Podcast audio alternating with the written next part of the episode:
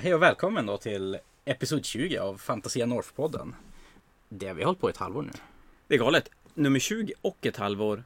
Och lite drygt 3000 timmar. Och ganska intressant ämne att få ta upp i, i avsnitt 20 också. Ja, för Halvårsjubileum och allt möjligt. temat för dagens podd kommer ju vara den här 40K-revealen vi får se och som visar sig vara en ny edition. Ja men precis. Vi, vi hade ju då tänkt initialt att vi skulle prata samtidigt som vi såg den så att vi skulle få våra reaktioner. Våra reaktioner var tysta gapande munnar i, i typ en timme så att det blev inte så vettigt så att vi kör och, och går igenom den efter det istället. Mm. Blev nästan bättre. Ja, vad säger vi? Vi fick se en, började med en fantastiskt snygg cinematisk trailer för nya 40K och där fick vi se de här två karaktärerna de visade i samband med Storyforge tidigare. Ja, när de sa att det, det var någonting annat. Mm. Men då la trodde- upp det som att det var någonting som skulle vara ännu längre bort. Ja, inte så här nära så att säga. Vä- Väldigt, väldigt nära inpå. Jag, jag, jag har väl sagt en miljarder gånger att det är det coolaste jag sett någonsin. Men det här var Mm. fan i mig ibland det coolaste jag sett någonsin. Många kommer ju ta och jämföra den här med Astartes. Så även om jag... De, de, de har som två olika stilar så de... Ena är kanske inte snyggare än den andra men de är annorlunda så att säga. Ja, men jag tycker verkligen att den GW släpper nu, den är väldigt, eller väldigt, den är mer cartoonish. Mm. Medan Astartes är mer grimdark. Men jag tycker nog ändå att jag ska inte, det är minst lika bra i alla fall. Ja. Det, jag, jag kan inte säga att jag tycker Astartes är bättre. Men jag har svårt att säga att den är sämre också. Det, det är Mm. en fantastiskt jävla cool animerad snutt vi fick se. Och jätteskönt att det äntligen blev den där nya editionen som jag har tjatat om. Och som verkligen, alltså, alltså verkligen behövs, så är det, det är väl att ta i. Men nu ligger den väldigt bra i tiden. Kanske så att de ligger precis, att de släpper den innan det har gått ett halvår av att man verkligen har känt att man vill ha en ny edition. Utan nu är det så att man, in, man har börjat tänka på det, att det skulle vara skönt med en ny samlad regelbok och sådär. Men man har inte riktigt börjat störa sig på regler och grejer. Och då släpper de en ny. Så att det känns som att de verkligen har lärt sig att ligga i fas och lite i, för, i, i framkant på vad vi egentligen vill ha för någonting. Jag måste säga att jag kanske lite skeptisk för Storyforge. Men när de visar sånt här blir man ju inget annat än taggad. Nej, det, kan, det blir bara bra. Det, är- Ja. Jag menar, och, och har dataspelen varit det vi, som har kunnat locka utomstående in till figurspelen, så vad fan kommer det här kunna göra då? Förstå tänker alla på 14, 15, 16-åringar som ser det här och Ja. bara vänta nu. Kan jag pilla på en sån där figur på riktigt? det, det är ju, ja, det är hur coolt som helst. Så tänk typ så Game of Thrones fast i 40K. Ja, typ. Ja. Det är ju, och, och då är det väl, jag menar det här är ju bara en liten, det här är det första Storyford släpper. Men när vi liksom är inne på bokserier så kan vi ju ta och bara snabbt ta och nämna innan de, vi går igenom mer på editionen att de verkar ta och skriva en ny bokserie som ska tydligen vara lik både Horror Series och War of the Beast. Att det är som en kronologisk serie fast det handlar om det som händer just nu, alltså Dark Millennium. Och, Ja, men precis. Och det är väl ganska vettigt. Kan jag, alltså det är väl bra att ha ett ställe där de samlar allt fluff som... ja. Och så hoppas jag att de börjar tidigt. Jag, jag hoppas ju verkligen att de börjar i Fall of Cadia så att man ändå får följa det ända från början. Nu kommer Mm. det förmodligen att köra igång efter. Men det kanske kommer någon sån kort novell där de, där de pratar om hur allting slutade. Jo, för det börjar ju med de här kampanjböckerna, alltså innan, även innan Fall of Cadia, typ det där med Kajon eller vad de heter. Med, Ja, just det. Tau-boken Jo, och, och den Space här- Wolf Thousand Sun-boken. Där dör ju namngivna karaktärer. Alltså som Mm. har varit med jättelänge. Typ, eh, vad heter det, permobil Tau-snubben? Ja, men exakt. Jag Han kommer dör inte ihåg vad ju. han heter. Han dör eh, där. Det som är roligt är att det är en Kulexus som tar ihjäl honom. Vilket tyder på att han kanske var lite, ja, nej jag vet inte. Det var så usel så att till och med Kulexus kunde plocka. Ja men det är så cool scen där för hans honor guards verkar ju vara så här helt och hållet orädda. Men så fort en Kul- Kulexus kommer nära dem så verkar den här oräddheten bli avstängd och de springer därifrån istället. Det är så roligt när de slänger in de här små grejerna som Mm. man inte tänker på förrän man får det i sammanhang och helt Mm. plötsligt. Men det är väl även där Magnus pratar om att han vet att vart hans bror finns i Ja. valpen. Och det är inte som ni tror. Så att det... Nu tror jag fortfarande... Jag pratade med lite om, om den här revealen innan idag och om just primarkerna. Och jag tror ju att det kommer att dröja länge innan vi får se några lojalistprimarker. Mm. Den, den karamellen tror jag de suger på. Om det är så att... Jag skulle inte ens vara förvånad om det kan vara så att det inte finns en ny lojalistprimark i pipen Nej. överhuvudtaget. Men vad är det de säger, Murphys law? Kan det hända, kommer det hända. Så någon gång. Någon gång kommer det, definitivt. Ja, Mm. vi väntade ju 25 år på den första, så att 25 år till är väl... Inget att ta i. Nej, men fast kanske, ja. det man kan nämna om framsidan där är att eh, jag tror det är första gången jag ser en alltså, mörkhyad Ultramarine. kan Jag komma kan, någon inte annan. säga emot dig, jag tror inte heller det, utan det är salamandrar som... Jag vet inte om jag har sett Ja. mycket andra än salamandrar. Men det är också som då en ganska kanske inklusiv del i hobbyn att man ska som kunna känna igen sig själv lite mer i de olika fraktionerna. Ja, men det är ju jättebra att de, att de gör, gör det. Att de vågar Eller ja, det ska ju inte handla om att våga, det ska ju bara vara egentligen. Men det är klart, visst kommer det att sitta folk där ute och störa sig på att det är kvinnliga gardister eller ja, vi vet ju kvinnliga Space Marines vilket ramaskrik det blir direkt någon råkar nämna det. Men det är ju jättebra att, att det blir så. Själv, jag har en dotter som är 11 som var sugen på att måla figurer. Och det var ju verkligen så att hon ville ju måla en tjej. Och så sen börjar man kolla och det, det finns ju inte jättemycket Nej. av det. Så och är det ju. GW har ju blivit bättre. Jag tror ju att Sisters of Battle kanske ändå fyller upp den här uh, kvinnliga Space Marine-genren lite grann. Ja, men det, det borde de göra tycker jag. Och de gör ju att ändå inte, jag ska inte säga att en stor procent av det, men, men det blir ändå en, en markant del av figursortimentet är ändå kvinnliga modeller. Och det tycker jag är bra. Sen ska det absolut inte sluta där. Det behövs mer. Så är ja, det definitivt. Kvinnliga gardister. Vi såg några på trailer. Ja. Hade varit skitcoolt. Och det är ju så, det är ju så otroligt naturligt i 40K. Mm. För att där plockas ju alla. Jo. Men de säger också i trailern att förmodligen allt som man ser någonstans där och i som fiktion och liknande att du förmodligen kommer kunna se dem på Tabletop någon gång. Ett exempel ja. är väl den här skumma kaosspindeln som kom att man fick se nästan lite grann jättelångt borta i en bakgrund. Ja, precis. En dörröppning på någon, någon artwork. Det är väl Urban, jag tror att det är Urban Conquest artworket. på framsidan där så ser man en liten dörröppning och så är det någon sån här knasig kaosmaskin som sen dyker upp i mm. vad nu den lådan heter, Shadow någonting. Shadow Spear? Shadow Spear. Var det va? Jo. Som den kommer, så, jo men så är det framförallt i 40K är det väl så att det mesta vi ser verkar dyka upp på något sätt i figursammanhang också. Att de vill ja. verkligen knyta ihop saker och ting. Och det är klart, det är ju dumt att släppa någonting coolt på ett artwork som folk går igång på som fan. Och så får man aldrig göra mm. någonting av det. Stackars också Age of Sigmar-spelare då.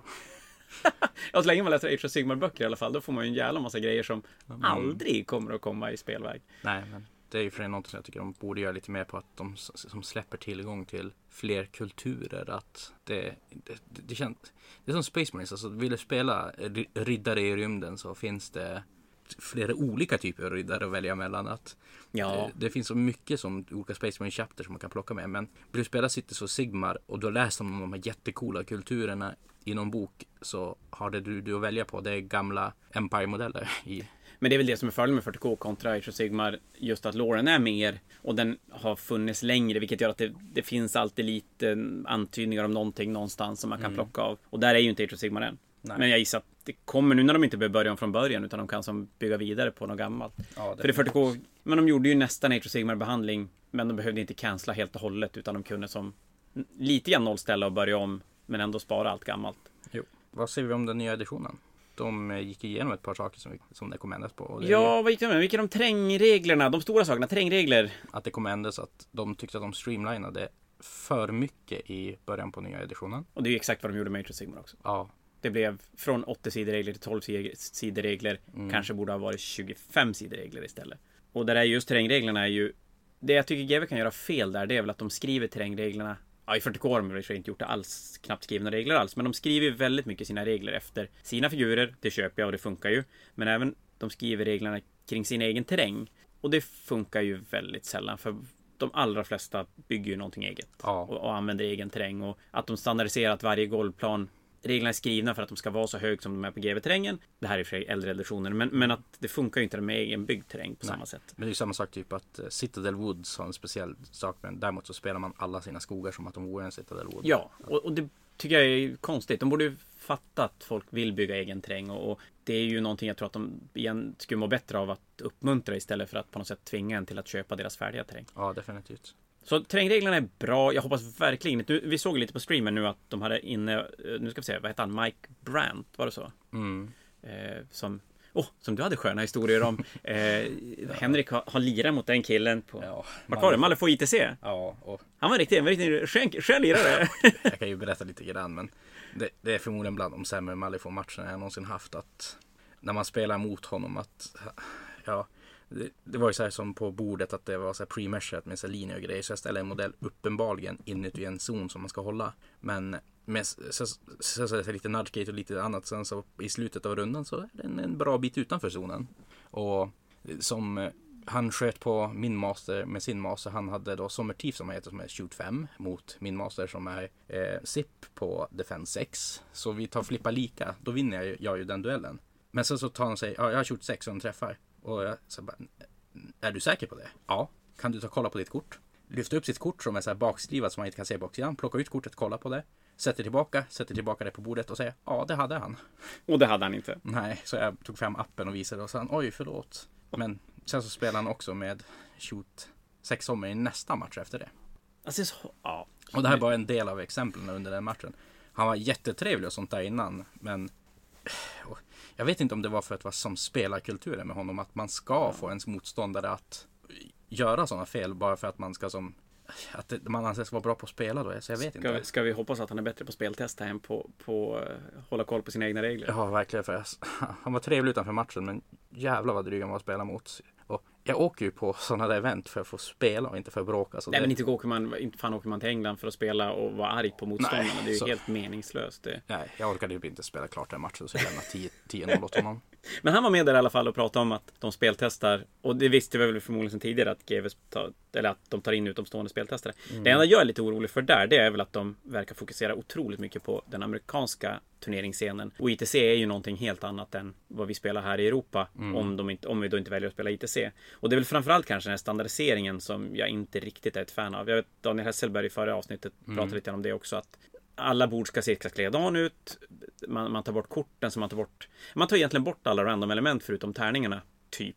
Och jag tycker väl inte att figurspelen alltid mår så bra av att göra det. Jag tycker ju om att terrängen kan vara olika. Att det ska finnas en anledning att spela på ett annat bord. Jo men just att man får den här variationen att Ja. ju fler variabler är desto Säg om man ska jämföra ett figurspel med att eh, typ spela kort att du blir tilldelad en hand och så, så måste du agera på handen Mm. du får. Att är det enda som man kan som agera på att försöka göra så bra gamble beroende på vad du slår på tärningarna. Att det blir som mycket mindre av spelet för, jämfört med vad det skulle kunna vara. Ja, men jag tycker det. Och, och visst, argumenten mot det är väl att, att det blir... Men, de bättre spelarna ska inte falla på att de slår dålig tärning eller, eller någonting sånt. Men Men vad var det Daniel sa att det blir nästan bara armé construct? i det Ja, det var det han pratade om. Det är otroligt mycket armékonstruktion och det förstår man ju det att det, det blir så få arméer som... Det blir, det blir lättare att räkna ut vilka arméer som kommer att gå bra på, på de borden och att då är De här inte... orkerna man rullar kan inte 120 tärningar medan de här orkerna som är lite snabbare rullar bara 80 tärningar. De är 120 tärningar vinner. Ja, och om man då vet att jag kommer att kunna stå och inte bli skjuten på och jag vet att jag behöver röra mig exakt 12 tum för att ta mig till det där objektivet eller vad det nu kan vara för någonting. Så att, nej, nu tycker jag om att de behåller så jag hoppas verkligen att de, de lyssnar lagom mycket och låter då amerikanerna fortsätta göra sin ITC-grej. Och det har jag, jag har väl svårt att tro att GW skulle ta in den här otroligt standardiserade. Om ett annat är det väl, får man väl som turneringsarrangör bygga sitt eget då, som blir något annat än GWs egna. Gå tillbaka till gamla fantasy-dagarna med att man, alla turneringar spelas typ med komp. med Alla, ja men alla arméer går inte ens att ta sin armé till en ny turnering för att Mm, det är något annat system som gör att det inte funkar överhuvudtaget. Ja. Nej, kanske ingenting vi ska sikta på. Men i alla fall, terrängregler, det, det behövs ju. Det är ju någonting som är nog det sämsta i 40K i den här editionen. Kan väl hålla med om det. Man ska kolla på all terräng här. Att alla rutor på nedervåningen är igentejpade. Jajamän. Det, det, det blir lite, och till och med vi har ju hyfsat standardiserat även om man lite impassable och lite ruiner och så där hamnar lite olika. Men, men det är ju ändå så att det är syns man dör man och, och det ska bli spännande att se om de lyckas hur de lyckas komma runt det. Mm, definitivt. Nej, och sen eh, kanske två saker. En det är att tanks kommer kunna ta skjuta närstrid. Och att Ja. blastvapen blir bättre. Ja, det lät som, nu, nu lyssnade jag med ett halvt öra för vi pratade om så mycket annat under tiden. Men det lät väl som att de skulle skjuta fullt mot stora enheter Mm. på något sätt. Och så en bild med massor med tyrannider som höll på att flyga. Ja, det var bara döda tyrannider och så bra stridsvagnar. Jag tycker det är nog jobbigt att hantera stridsvagnar som där, men ja, det var en helt annan sak. Mm. Nej, men det är klart att stridsvagnar kan slåss i närstrid. Det gör ju ingenting, för de är alldeles för dåliga på det. Mm. Och det är ju rätt. Men att få in den här att de kan så här grinda fram och det är väl, det är väl rätt. Det är väl så det ska vara, tycker jag. Men samtidigt, det är något som jag också gillar. Att, jag menar, varför skulle det stoppa en att skjuta om det står en ork i ena hörnet på min lämmaröst Nej. till exempel? Det, det, Det är, men frågan är då om man kan skjuta in i närstrid eller om det är stridsvagnen som kan skjuta ut. Alltså om stridsvagnen som står i jag tänkte kan att skjuta på sin Age of egen. Sigmar första eller andra editionen. Ja, enkelt. men precis. Om det, jag tror ju mer på att stridsvagnen kan skjuta på gubbarna som står Ja, i närstrid med dem. Och jag skulle ju, jag tror inte att stridsvagnen kommer att kunna skjuta på något annat. Den kan bara skjuta Mm. på det den slåss i närstrid med. Men det finns ju en, finns en Black Library-novell som heter Nightblade. Som handlar om Knights. Som kom när Knightsen var ganska ny. Och där är det just en sån, det är Knights mot tyrannider. Och vid ett tillfälle så klättrar en massa hormaganter på en Knight. Och hans Knight-polare vänder sig om och tar eh, Heavy Stubborn och bara brassar lös in i sin polare Knight. Bara sänker alla hormaganter. Just för att Heavy Stubborn gör ju ingenting mot. Så. Och det är ju jävligt coolt. Så är det ju. Så det var väl, men, men ni behöver inte Men, oroa er. eh, Inga blast templates i alla fall. på tal om att skjuta i närstrid. Det kommer närstrids Space Marines igen. Sjukt coola. Det, oj, oj, oj, oj, oj. Det, det som jag tyckte också lite, både när de visar upp eh, då Space Marine men också nya Necron Warriors att de har inte tagit en bild på själva figuren såg ut som utan att de har alltså 3D-skannat in figuren en i ett program. målad figur. Ja. Ja, så gjort en 3D-rendering för den ser jättelik ut när man kollar typ så här 3D-skannade modeller på typ Tabletop Simulator och liknande. Att, ja, framförallt Space Marine tycker Ja. jag var väldigt tydligt att det var något sånt. mm. Så Nashville Space Marines och sen så nya Necron Warriors. Inga Ja, gröna pinnar. ja, men det var så coolt, så coolt, så coolt, så coolt. Jag vet inte Mm. vart det ska ta vägen. Och det gör, för det är ju, Necroner har jag menar Immortals, Wraiths, Tomb Spiders är ju cool, riktigt, riktigt bra Mm. modeller. Men sen har de Monolith, Necron Warriors, som faktiskt inte är riktigt coola modeller. Nej. Men de har ju behållit fulare modeller än Necron Warriors dock. Om vi tänker på en viss Marauder. Börja? Eh, Du sa det först, ja. Eh, ja, ja, men det har de ju. Men det, inte kan de släppa, inte hade de kunnat gjort hela den här grejen och behållit gamla Necron Warriors. Nej. Det är väl inte ens rimligt. Men det känns ju som också att det är den enda saken egentligen i rangen som de behövde uppdatera för Necron för att Necron ska bli riktigt snygga. Ja, och monoliten kan de ju egentligen bara sätta en fot på och slänga bort. Det finns ju Jo. ingen som behöver spela med monolit. Och sen också vet vi inte heller vad som kommer. Jag menar i trailern får vi se den där skumma spindel-nekronen som springer omkring. Och den stora spindelkaraktärs monster vehicle grejen vad det nu är för någonting. Ja. Eh, Precis där i slutet. Och så Mm. får vi se någonting. Som inte kan vara något annat än Silent King som Oj, håller på att suga energin ur en Kitarns shard med så här attendanter. Åh, Och det verkar ju bli precis en katakross. Det du har Ja. pratat om, en en katakross-modell. katakross på en flygande tron. Ja, fan vad det kan bli coolt. Åh, gud. Så Ja, jag hoppas- coolt. Ja, jag hoppas de inte dröjer för länge innan, om, innan de visar mer om det. Men sen var det mer regler. Det var, det var, nu ska Mer vi se. eh, command points åt hela alltet. Ja, och den, jag tycker den var lite så härlig. De pratar om terrängregler, ganska stor grej. De pratar om reserv, de pratar om, och så command point. Specifik, superspecifik grej. Ja. Men det är ju, ja, men jag tycker 40K, vi har pratat om det tidigare, jag tycker 40K, det blir roligt med command points. Jag sa ju det när vi höll på att kolla att förmodligen den bästa förändringen om man skulle ta och kolla på hur det var mellan 7 till 8 det var det faktum att de la in command points och eh, command abilities.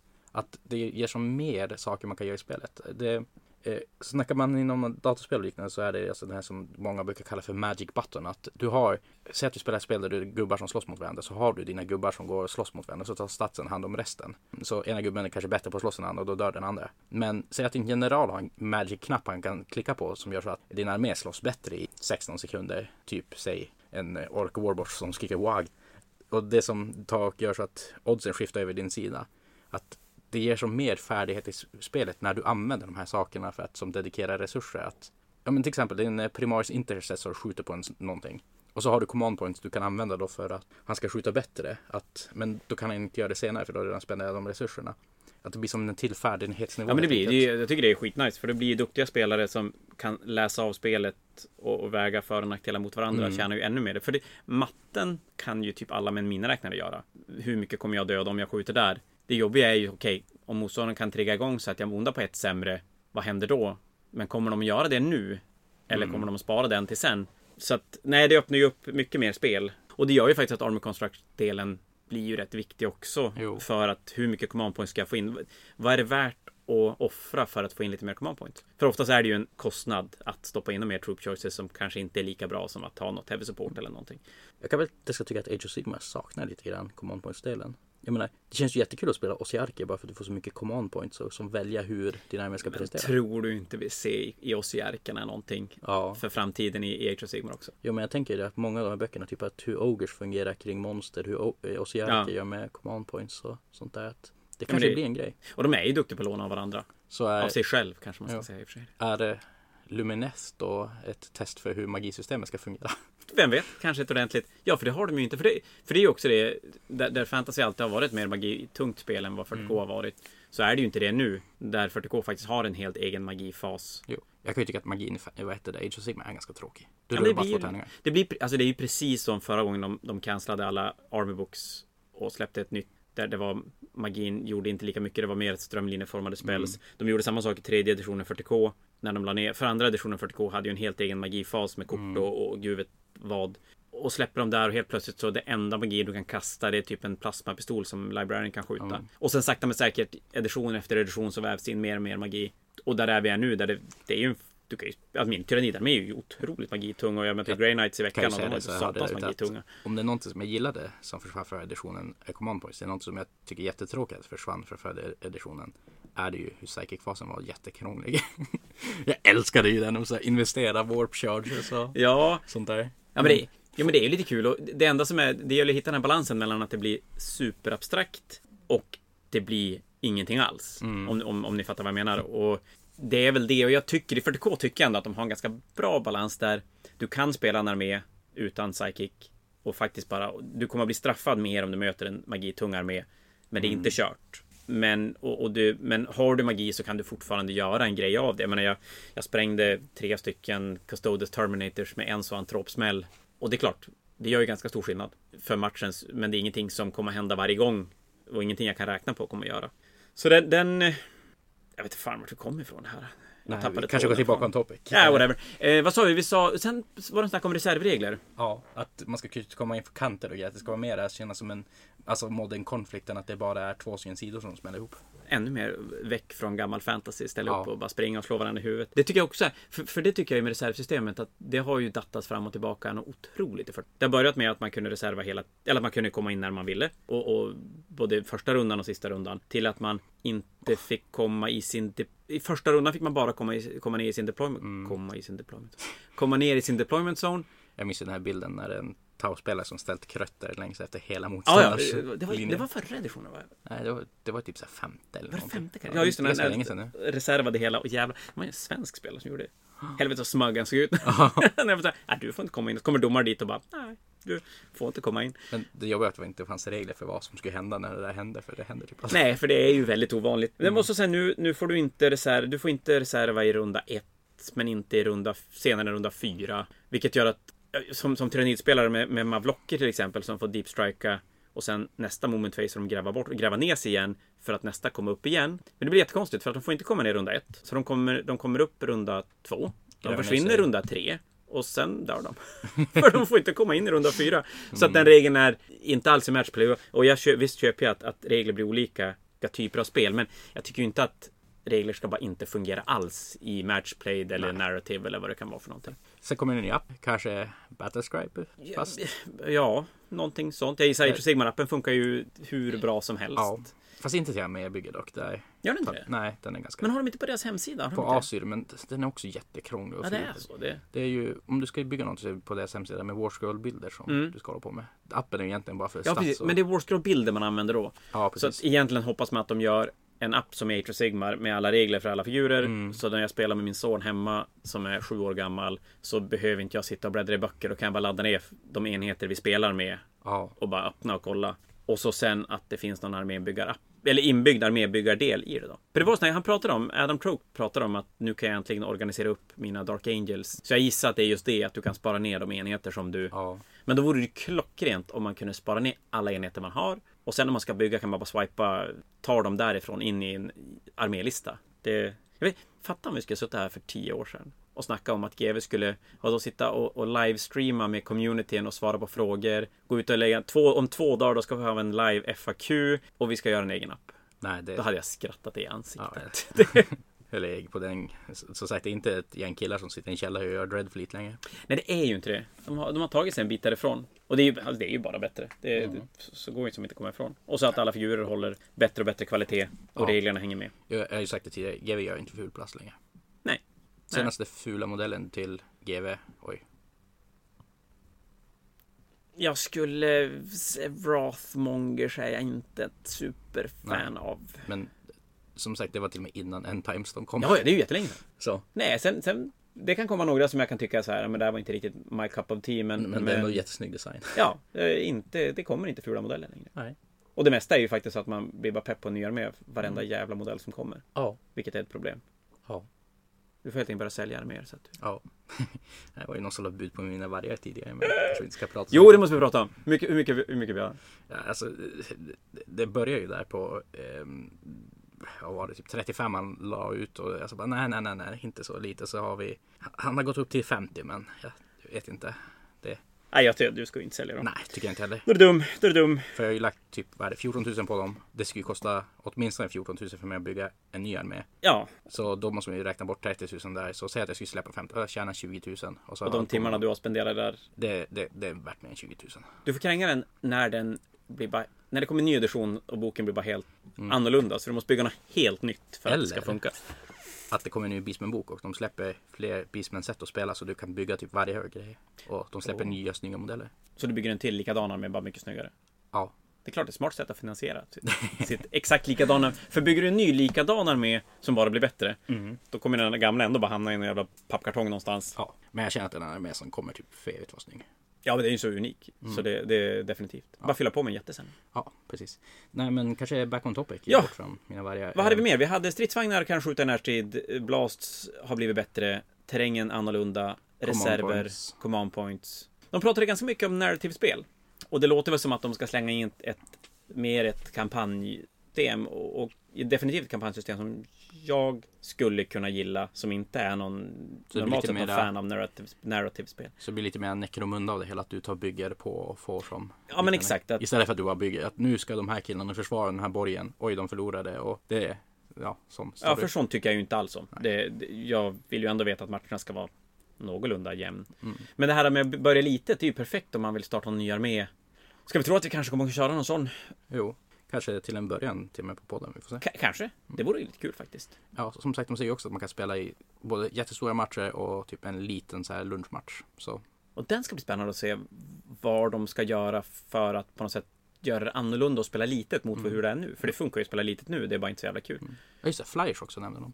Ja just det, det var det. Oj, ny Helldrake, var det så? Ja, flashar över skärmen som vi kanske kommer Flera lägga upp i gånger dök det upp en. episoden som ni kollar på Å andra sidan kommer det en ny Lamarus då. För det var väl en Lamarus som stod bland stridsvagnarna och sköt i närstrid. Dock är det svårt att säga, hur skulle de göra en ny snygg Lemarus? Nej, jag vet inte alls det. gamla är ju bland de kitten som har hållit Ja, bäst genom tiderna. Det enda de skulle kunna göra med den, det är att släppa in s- upgrades bro. Ja, Med typ så här sandsäckar, kammonät, eh, Ja. sånt skit. Commander. Ja, precis. Men Alltså, nej, modellen i sig är ju Gamla Lemarussen är ju tidslös. bra. Jag tror bara att skulle de göra den, då skulle de göra den för mycket De ska göra den större och kantigare. och flygande. Ja.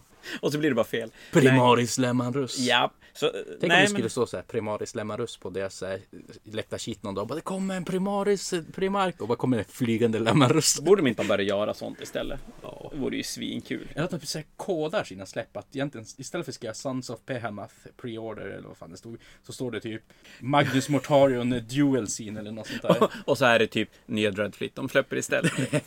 det vore ju helt magiskt. Ja. Börja trolla. För de trollar ju ändå lite grann med, med communityn. Jag läste, läste någon som hade klippt från, det måste ha varit från 40K Facebookgruppen. För de har ju annonsat en prishöjning. Vilket, Åh gud vilken skitstorm på internet. ja, och vi ska, det behöver vi inte ens prata om. För det, li- livet funkar så eh, att saker och ting blir dyrare. Men i alla fall, det är väl kanske, om vi ska prata lite grann om det, så är det väl tajmingen som är kanske lite tveksam. Så här, nu har vi nästan gått i konkurs efter corona. Så, så nu när vi äntligen öppnar upp igen, då höjer vi priserna lite Ja. grann. Men, men det må vara.